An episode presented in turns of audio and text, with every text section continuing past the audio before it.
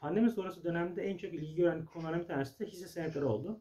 Ee, Peki sizler bugün bir inşaat mühendisi öğrencisi ya da yeni mezun olarak burada nasıl fark yaratabilirsiniz? Ee, Burada bizim önerdiğimiz model şu arkadaşlar. Kendinize belli bir e, sektörde firma belirleyin. Şimdi siz zaten burada hedefiniz şey olacak yani inşaat olacak. İnşaat sektörüyle ilgili kendinize halka açık 10 tane firma belirleyin. Dünya genelinde işte Amerika'da, Nasdaq'ta, işte Çin piyasasında vesaire gibi. Ee, Ve bu firmaları her gün bunlarla ilgili neler yazılıyor, neler çiziliyor bunları araştırın. Nasıl olabilir bu iş? Mesela otomasyon sistemleri var dünya genelinde yaygın. Bu otomasyon sistemlerini kullanıp işte bana bu 10 tane firma ile ilgili her gün atılan tweetleri göster.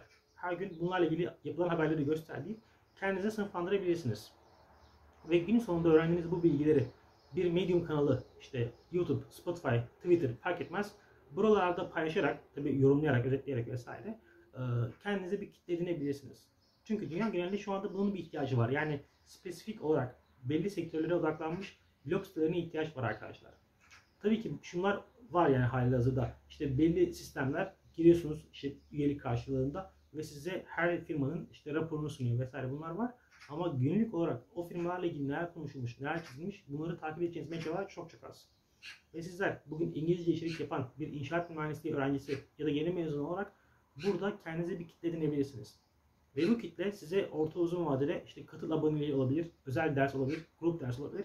Çeşitli yollardan size getiri sağlayacaktır. Burada önemli olan bu içerikleri paylaşıp tabi burada bir püf nokta yatırım danışmanlığa girmeden. Yani işiniz bir firmayı övmek da yermek olmayacak. Sadece o firmayı yorumlayacaksınız. Bunu yaparak da kendinize orta uzun vadede iyi bir getiri sağlayabilirsiniz. Bu haftanın konu başlığı bu şekilde. Önümüzdeki haftalarda farklı görevler, farklı konu başlıklarıyla görüşmek üzere. Şimdilik hoşçakalın.